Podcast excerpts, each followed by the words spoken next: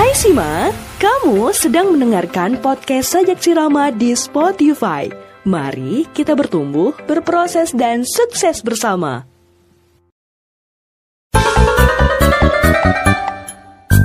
Assalamualaikum semuanya, selamat datang di podcast bersama Sajak Sirama bareng aku Faye. Hai Sima, gimana kabarnya hari ini? Semoga kalian dalam keadaan sehat, murah rezeki dan selalu bahagia ya. Apa pun itu ya, perasaan yang hari ini kalian sedang alami kalau dengerin podcast Sajak Sirama itu moodnya langsung bables-bables, langsung bahagia mudah-mudahan. Yuk mari kita hari ini mengawali dengan rasa syukur, dengan rasa bahagia sudah bisa bertahan sampai titik ini. So pastinya perjalanan yang kalian lewati di 2022 dengan banyak pengalaman yang tidak enakin atau yang banyak banget berkahnya semoga juga dilimpahkan yang baik-baiknya di tahun ini yang enggak enaknya mudah-mudahan kita skip aja jangan sampai hadir lagi di tahun 2023 aku sangat bahagia ya ini adalah podcast perdana aku di tahun ini karena bertepatan juga aku rilisnya setiap hari Kamis dan tanggal ini juga bertepatan dengan ulang tahun ayah aku. Selamat ulang tahun, Bapak. Aku manggilnya Bapak ya. Aku seneng banget ya dengan sosok ayah aku.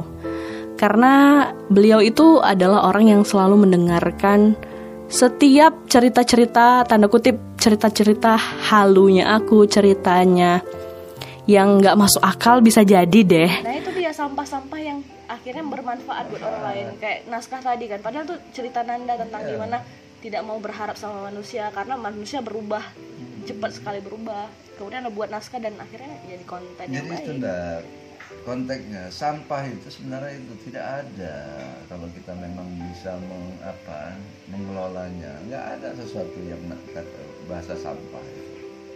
sampah itu tidak ada sebenarnya yang terjadi bentuk sampah itu pada saat kita mengabaikannya membiarkannya hmm. tidak mau tahu kita terhadap itu sehingga sampah itu juga menjadi bumerang kita banyak lalat. Tapi kalau kita dudukkan sampah itu menjadi sebuah uh, apa kita bilang yang lebih berguna kalaupun kita bilang kita pengalaman itu uh, menjadi sebuah narasi kita yang baru. Iya. itu kan sampah yang menjadi apa? Bermanfaat karena kita sadar pak. Memang bentuk kecerdasan paling tinggi itu memang kesadaran pak Sadar. sadar bahwa kita tuh aku nggak baik hmm. aku mau jadi yang lebih baik itu. sadar bahwa kita masih banyak kurang kita mau belajar hmm itulah tingkat intelektual tinggi itulah yang namanya kesadaran tuh kesadaran sadar kita sholat kita belum gitu hmm. baik uh. atau cerita-cerita yang semangat yang mungkin kalau orang lain denger ya atau kayak kayak kakak aku denger adik aku denger itu kayak hello gitu ya kayak kenapa sih mikirnya terlalu tinggi dan apa pun itu ya aku menceritakan hal yang aku pengen ceritakan dan sosok bapak aku ayah aku adalah orang yang selalu mendengarkan aku. Jadi, kok nangis? Jadi aku mau bilang terima kasih. Hmm, nangis. huh, aku bisa. Aku pengen bilang sehat selalu. Murah rezeki. Makasih udah dengerin cerita anak perempuannya. Hmm, maaf ya teman-teman. Aku jadinya sedih. Oke. Okay. Jadi tentunya hari ini tuh spesial. Spesial banget. Aku bahagia. Karena menjadi anak perempuan yang selalu bahagia ya.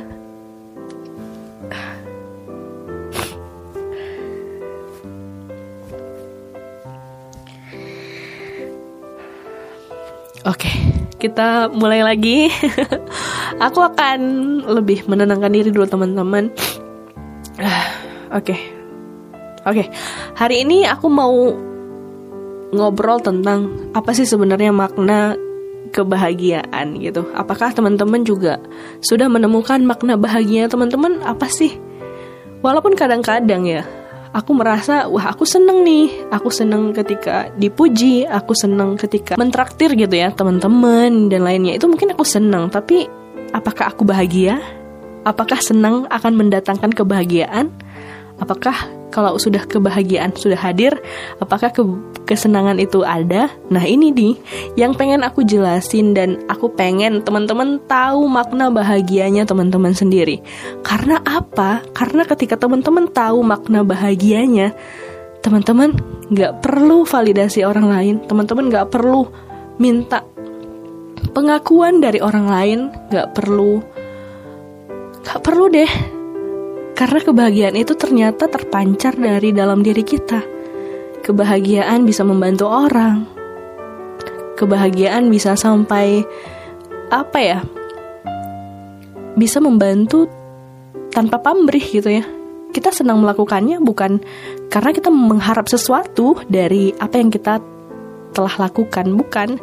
Tapi makna kebahagiaan adalah ketika kita bisa melakukan sesuatu hal dan kebahagiaan itu nggak nggak akan terlihat di luar gitu. Kita senang ketika dipuji tapi kebahagiaan itu adalah sumbernya tuh dari dalam. Maka ketika kita membandingkan makna kebahagiaan dan kesenangan ternyata kebahagiaan itu punya jangka waktu yang lama. Sedangkan kesenangan itu jangka waktunya sebentar. Aku bisa membandingkan ya memberikan analogi kenapa orang stres gitu ya? Mungkin orang yang dia memakai tanda kutip obat-obatan yang membuat dia itu bahagia baginya.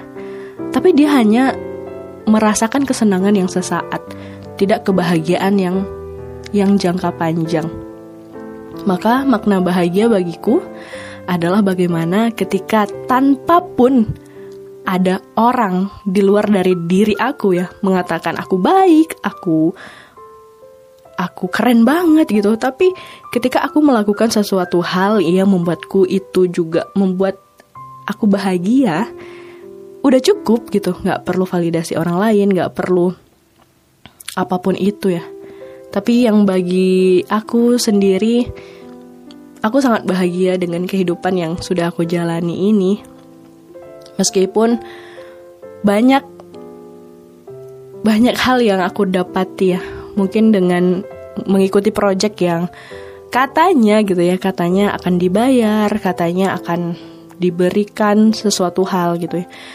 Tapi ketika aku berharap ya namanya manusia ya ketika melakukan dan sudah dikatakan gitu akan mendapatkan ini tapi kok ditunggu-tunggu kok diharap-harap kok nggak datang-datang gitu ya Padahal yang aku buat adalah hal yang aku senangi.